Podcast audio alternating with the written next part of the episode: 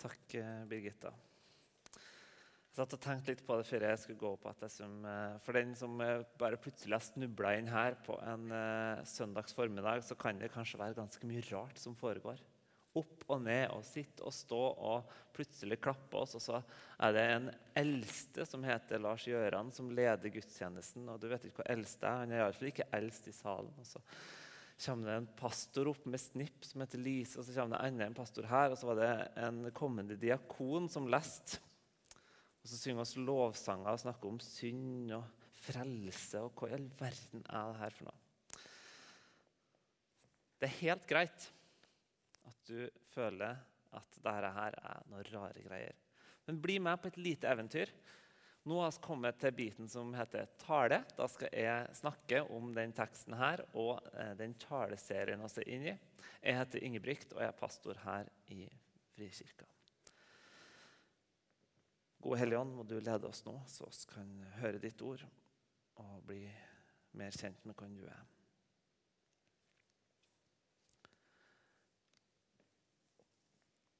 Hvor var du den dagen Oddvar Brå brakk staven? Er det noen her som husker det?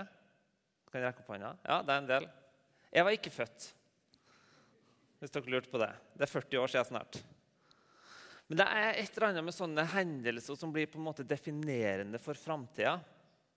Det er som om de blir løfta ut av tid og sted, og så er det som oss kan bare 20-30 år senere gjenoppleve nøyaktig samme følelse, nøyaktig det samme som skjedde, og så kan huske rekkefølgen og alt. Jeg husker nøyaktig hvor jeg var når jeg fikk høre om at det var ei bombe som hadde gått av i Oslo sentrum den 22. juli 2011. Jeg husker jeg kjørte traktor, jeg husker hvilket redskap jeg har bakpå. Jeg husker hvilken kanal jeg hørte på på radioen. Jeg husker detaljer. Og Hvis jeg skal tenke på en hendelse fra i sommer som sitter igjen, som jeg kan kjenne følelsen, så er det opplevelsen når jeg ser Christian Eriksen, den store stjerna på Danmarks fotballag, gå i bakken, miste bevisstheten og bli liggende livløs i åpningskampen mot Finland. Husker nøyaktig hvor jeg var. Husker hvem jeg var med. Jeg husker den der lamslåtte følelsen av å sitte og ikke kunne gjøre noen ting, bare be litt. Kommentatorene ble helt stille. De visste ikke helt hva de skulle si. Og de klarte liksom ikke helt å få fram. Og jeg tenkte jeg syntes synd i kommentatorene som skulle sitte der. Kristian Eriksen fikk hjertekompresjoner og overlevde. Takk og lov for det. Og Det var noe helt spesielt som skjedde med dette fotballaget etterpå. De overpresterte. De var helt fantastiske i kamp etter kamp. De har en evne til å kjempe for laget som var helt enormt. Det var ikke lenger stjerner som kjempa for størst mulig sponsorinntekter, men et lag som ga seg sjøl for hverandre og for en sak. Og I kvartfinalen så var jeg temmelig frustrert over å se Danmark ikke spille så bra som jeg håpa på. Og spesielt en spiller som heter Martin Braithwaite. Det er ingen som klarer å uttale navnet, så jeg eh, beklager det. Synes jeg, var, jeg bare skjønte ikke hva var det med han. Han her fyren som bare plutselig, ut av intet, spilte på Barcelona. Ingen har hørt om ham før, men bare plutselig så var han en av verdens beste fotballspillere. og ingen skjønte hva som var greia. Så jeg måtte sende en melding til min gode venn Rasmus og spørre hva i verden gjør den mannen på en fotballbane har ikke de bedre alternativ. Og Da sa Rasmus sjekk det bildet her.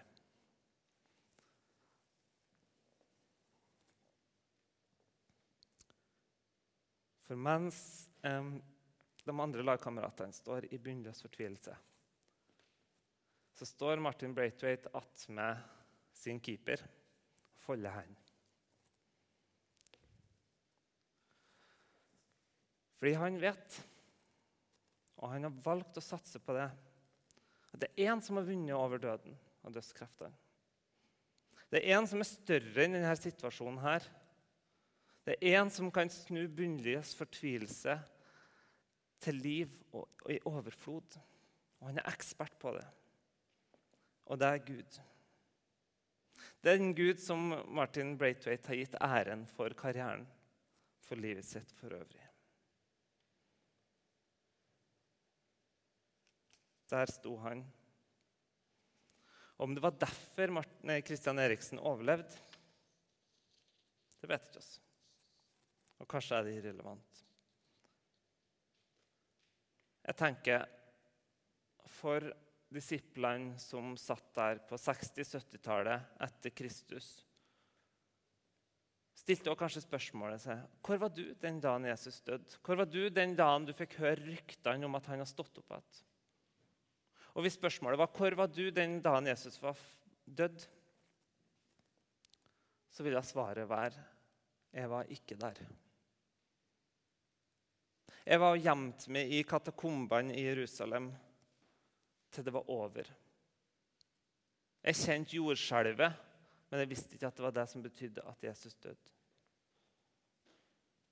Men likevel så kunne de huske det så godt. Og når en ser på beskrivelsene etter Jesu oppstandelse, så ser de at levende. Her er detaljer. Her er det enkeltmennesker som husker hver minste detalj, for dette var så utrolig definerende for livet. Og Derfor så når apostelen, eh, disippelen Lukas, en av eh, Paulus sine medarbeidere, skulle skrive historien om Jesus, så måtte han gå på øyenvitnene.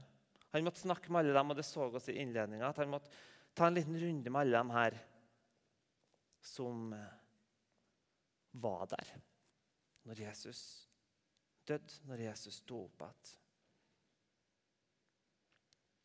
Men for disiplene så ble ikke dette her bare med et godt minne. For øyeblikkene Denne omdefineringen av verdenshistorien som skjedde når Jesus døde og når han sto opp igjen, den fikk konsekvenser. Den fikk konsekvenser for hele livet deres. Og Derfor har vi valgt å kalle denne taleserien for 'Fortsettelse følger', der vi skal snakke om apostelens gjerninger og se hvilke konsekvenser fikk dette her store budskapet for disiplene og hele verden. Fordi De ble nemlig med på en revolusjon som forvandra ikke bare en sånn teologisk diskurs i eh, Palestina på den tida, men som forvandla hele verden og verdenshistorien. Som satt undertrykte frøy, som løfta kvinner og barn. Når en leser beskrivelsene av de første kristne, hvor radikalt annerledes de levde, så skjønner vi at det har store konsekvenser for verdenshistorien. At vi er der vi er i dag. Fortsettelse følger. Når jeg var liten, så brukte jeg å lese Donald. Det er sikkert mange her som har gjort. Jeg elsker Donald. Utfordringen var at eh, jeg fikk Donald-blad hver andre måned ca. Og, eh, og, det tok to måneder å få neste blad. Det tok ca. 1 12 time å lese gjennom hele. Så det var lang ventetid. Og så, for dere som leser Donald omtrent på min tid, så avslutta bestandig Donald med en lengre historie som var delt i to. Og da sto det gjerne på liksom, første gangen, da, del én, så enda det. Du bare bladde, og det gikk så fort, og det gikk så fort, og det var så spennende. Og akkurat på spenningspunktet så var bladet slutt, og så sto det bare 'Fortsettelse følger. Kjøp neste nummer'. Utfordringa var bare at jeg fikk bare Donald hver andre måned. Så betyr det at jeg har lest mange del én. Jeg vet bare del én av eggemysteriet. Og så var det litt sånn at jeg måtte til noen kompiser ikke sant? for å få lest del to. Eller noen gang så kunne jeg klare å diskutere meg fram. Men mamma har ingen forståelse for at jeg har behov for å liksom få dem etter hverandre. For hun har ikke noe investert i det her. Hun skjønte ikke greia syntes ikke Donald var verken spennende eller gøy. Det var fint å lese del én, men uten del to, uten fortsettelsen, så var det en eller annen tomhet der. Og På samme måte som vi ikke kan la det bli med bind én av Jesusfortellingen, Lukasevangeliet, kan, nei, på samme måte kan vi heller ikke la det bare bli med bind 1. Det er en fortsettelse. Det er noe mer. Og dere begynner kanskje å bli lei av det, men oss pastorene i Trondheim frikirke kommer til å påpeke det hele tida. Det evige livet som Jesus ga når han døde på korset og sto opp igjen for oss, det starter nå. Det evige livet det starter ikke der fram. Det er ikke sånn at vi har 70 år med ventetid her på jorda, og så bare endelig til himmelen. Nei, det evige livet det starter nå. Guds rike det har brutt fram akkurat nå. Fortsettelsen følger nå. Og oss kan få lov til å være med på det. Oss kan få lov til å være med på Guds sitt prosjekt i verden. For Gud, han er på jobb. Og oss kan få lov til å være med pappaen vår på jobben. Dette er et bilde fra når jeg var med pappaen min på jobben. Og eh, ja, Det er ikke til venstre der, det er min niese. Men du er liksom med, og du tror du gjør litt, men egentlig så er det pappa som gjør den store greia. Og Så får han trene seg mer og mer, og mer, og mer. Og nå er en noenlunde habil traktorkjører. Selv om jeg ikke var det når jeg var ti år og kjørte Volvo 400. Og så skal jeg få lov til å være med pappa på jobben. Og Hvis du kjenner at liksom, du har lyst til å være med pappa på jobben her i menigheten, her, så har vi et tjenestetorg etterpå. Hvis du kjenner at du har lyst til å være med og se hva er det han har lyst til å gjøre i bydelen vår, bli en del av fellesskapet her. Eller et annet fellesskap. Knyttet til et fellesskap, et lag som jobber sammen, og som er med pappa på jobben. For Det er helt fantastisk hva Gud kan gjøre i menneskers liv. Disiplene de var klovner, redde, stakkarslige i bind 1, men de var heltene i bind 2. Og I apostelens gjerninger så hører vi at Jesus var sammen med dem i 40 dager etter oppstandelsen. Og hva er det han snakker om? Jo, Oslas, han snakker om det som hører Guds rike til. Som jo er en helt forferdelig oversettelse. Hører Guds rike til. Det som egentlig står, Han snakka om Guds rike. Guds rike. Han har 40 dager. Han snakka ikke om oppstandelsen, Vet du hvordan jeg sto opp, eller? Vet du hva som egentlig skjedde på korset? eller? Vet du hva jeg egentlig mente med den lignelsen der? eller? Jeg snakker om Guds rike, Guds rike, Guds rike. Og Det kommer til å være mye av temaet her. Så, og når Jesus skulle starte hele sin gjerning, så starta han nettopp med å si tiden er inne, Guds kongerike er kommet nær. Omvend dere. Tro på de gode nyhetene. For det er det evangeliet betyr. De gode nyheter. Guds rike har brutt ut, og nå lever oss i den tida da det fortsetter å brute ut. Dag for dag. Den tida som Bibelen kaller de siste dager. Den tida lever oss i nå. Når Gud fortsetter sitt arbeid med å nyskape og gjøre ting. Oss kan få lov til å være med på det. Forventningene i Det gamle testamentet var veldig store stor om at en dag så skulle Gud komme og etablere sitt kongerike på jorda. Han skulle komme og være konge sjøl. Og Et eksempel på det er fra Salme 96. Og Her hører vi en sånn glede over at Gud kommer som konge. Forkynn blant folkene, ikke bare Israel, alle folkene. Herren er konge.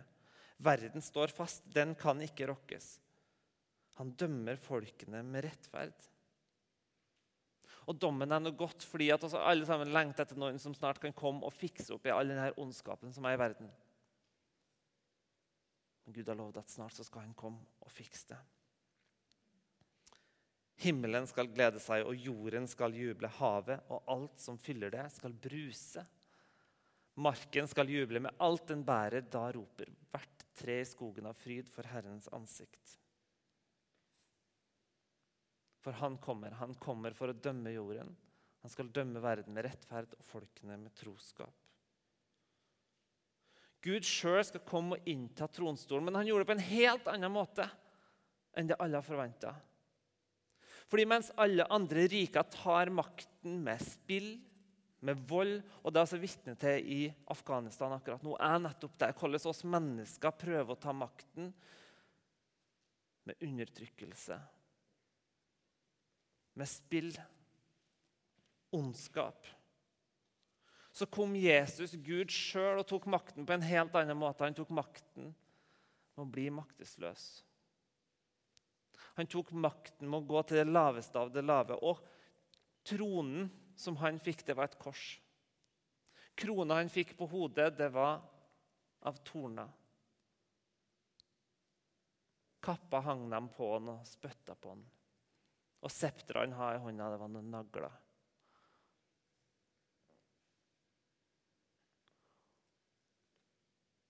Og merkelig nok så er det nettopp der Jesus vinner. Det er nettopp der Jesus klarer å vinne over alle dødskreftene, all ondskap. Og som det står i Kolosserne 2,15.: Han kledde makten og åndskreftene nakne og stilte dem til spott og spe da han viste seg som seierherre over dem på korset. Og Det er det som er de gode nyhetene. For gode nyheter, virkelig gode nyheter de inneholder noe som har skjedd. Når det har skjedd, så vil alt bli annerledes. Den første vaksinedosen er satt. Nå blir alt annerledes. Kristian Eriksen vil overleve. Du har kommet inn på studiet. Noe har skjedd, og alt kommer til å være annerledes heretter. Men det er òg en forventning om noe lenger fram, noe som snart skal realiseres. Den første vaksinedosen er satt. Snart kan vi leve litt mer normalt. Kristian Eriksen har overlevd Snart kan han spille fotball igjen, håper oss. Du har kommet inn på studiet. Snart skal du gå på forelesning på forelesning på forelesning og konstant dårlig samvittighet over at du ikke har lest nok, og komme på eksamen og kanskje stryke. De gode nyhetene. Det er noe som er her, og så er det noe som kommer. Og de store nyhetene som skal komme, er at Gud en gang ikke bare slipper sitt rike inn i verden litt og litt og litt, men fullt ut når han nyskaper hele himmelen og hele jorda. Det er de fantastiske nyhetene som disiplene, lærlingene til Jesus, fikk lov til å gå ut i i hele verden.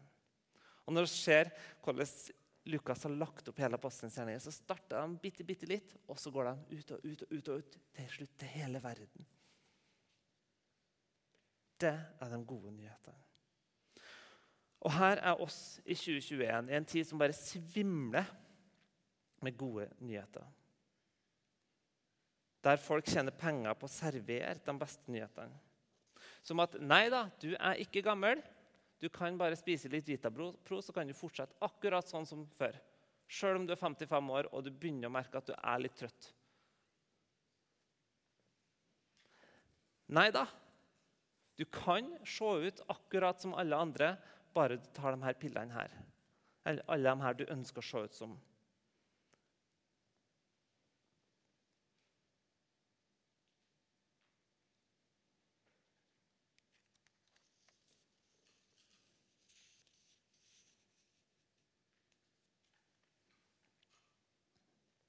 Men jeg tror at oss har noe bedre nyheter å komme med enn det verden har. Fordi verden er veldig lei av fake news. Verden er lei av at det der middelet som du kjøpte på reklamen på Snapchat som lovde å fjerne alle hudormene, ikke funker. Verden er lei av at du ikke når den ultimate lykke med å bare sjekke ut alle de nye burgerplassene i Trondheim. Selv om det kan være fint, det òg.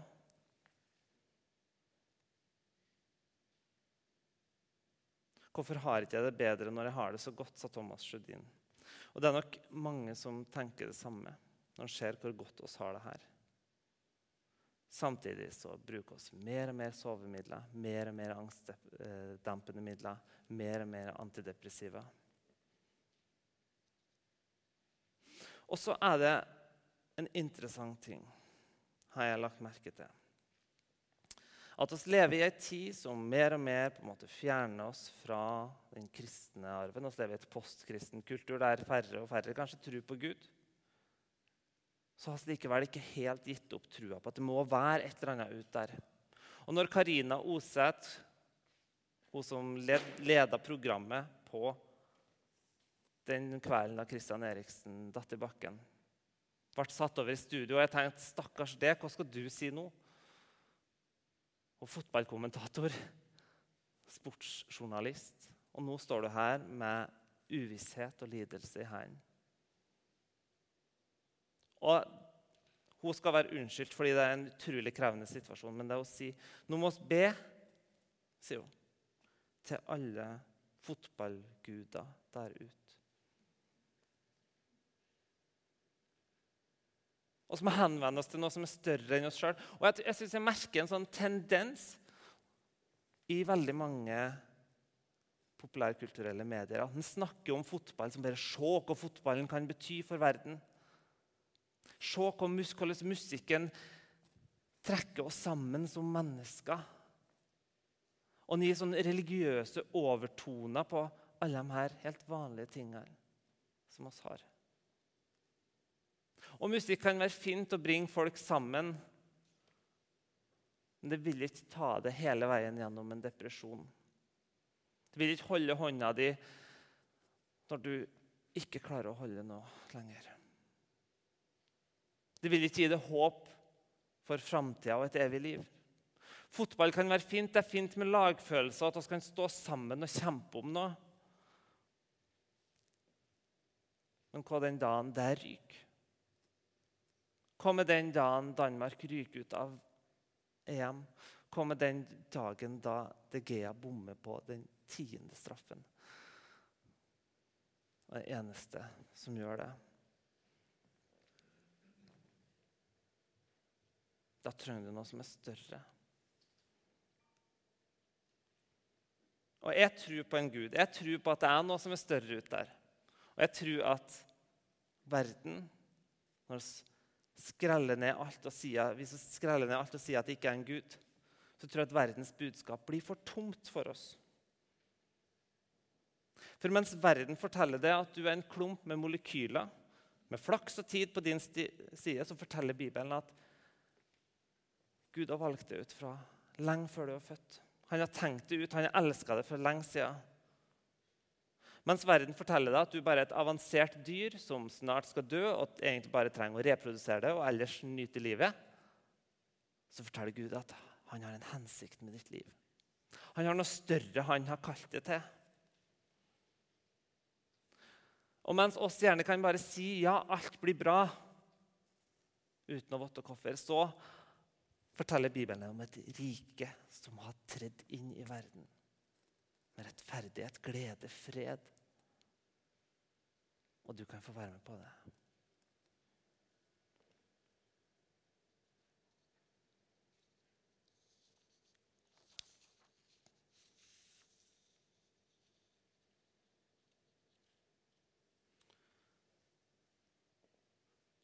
For Danmark sitt landslag så ble det en veldig spesiell sommer. De gikk til slutt ut av VM. EM. Og på en måte så har ikke de overprestert så voldsomt stor fotball. Men de har stått sammen, de har kjempa for noe. De har stått sammen. Og når kommentatorene skulle samle det opp etterpå, så sa de at uh, fotballverden har kåra en annen vinner av mesterskapet. Fotballverden har sett en ny vinner, og det var det danske fotballaget. Som så sin stjerne gå fra død til liv. Og som kjempa for han og for noe større enn seg sjøl.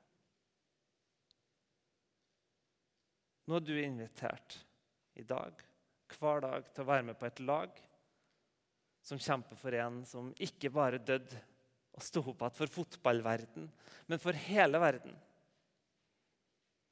For at noe nytt skal skje. Og Jeg aner ikke hva dine forventninger var når du kom til kirka i dag, men det er faktisk det som skjer, selv om det ikke er synlig. At Guds rike trer fram. At Jesus har inntatt tronstolen som konge, og oss får lov til å følge med.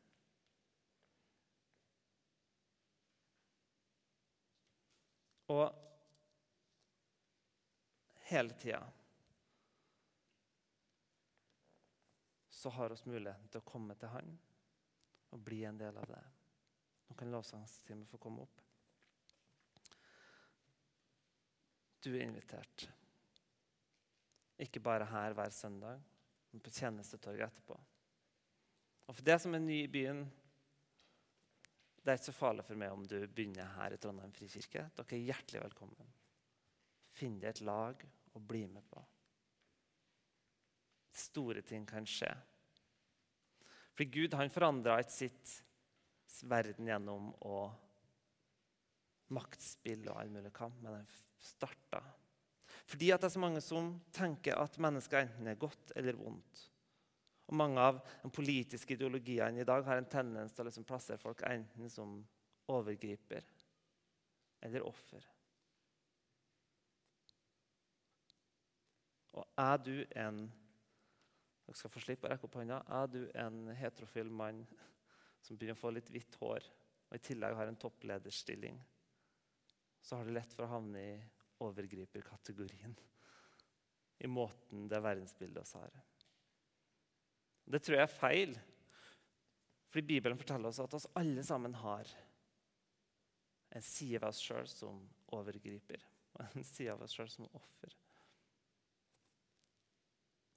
Så Gud forandra ikke verden gjennom å sette dem her opp mot hverandre, men gjennom at hver enkelt menneske ble forandra gjennom en relasjon til Han. Gjennom at Gud fikk tilgi det som var galt, bygge karakter og bygge et nytt samfunn det du inviterte å være med på. Invitert til å være med på laget der stjerna døde og sto opp igjen. Amen.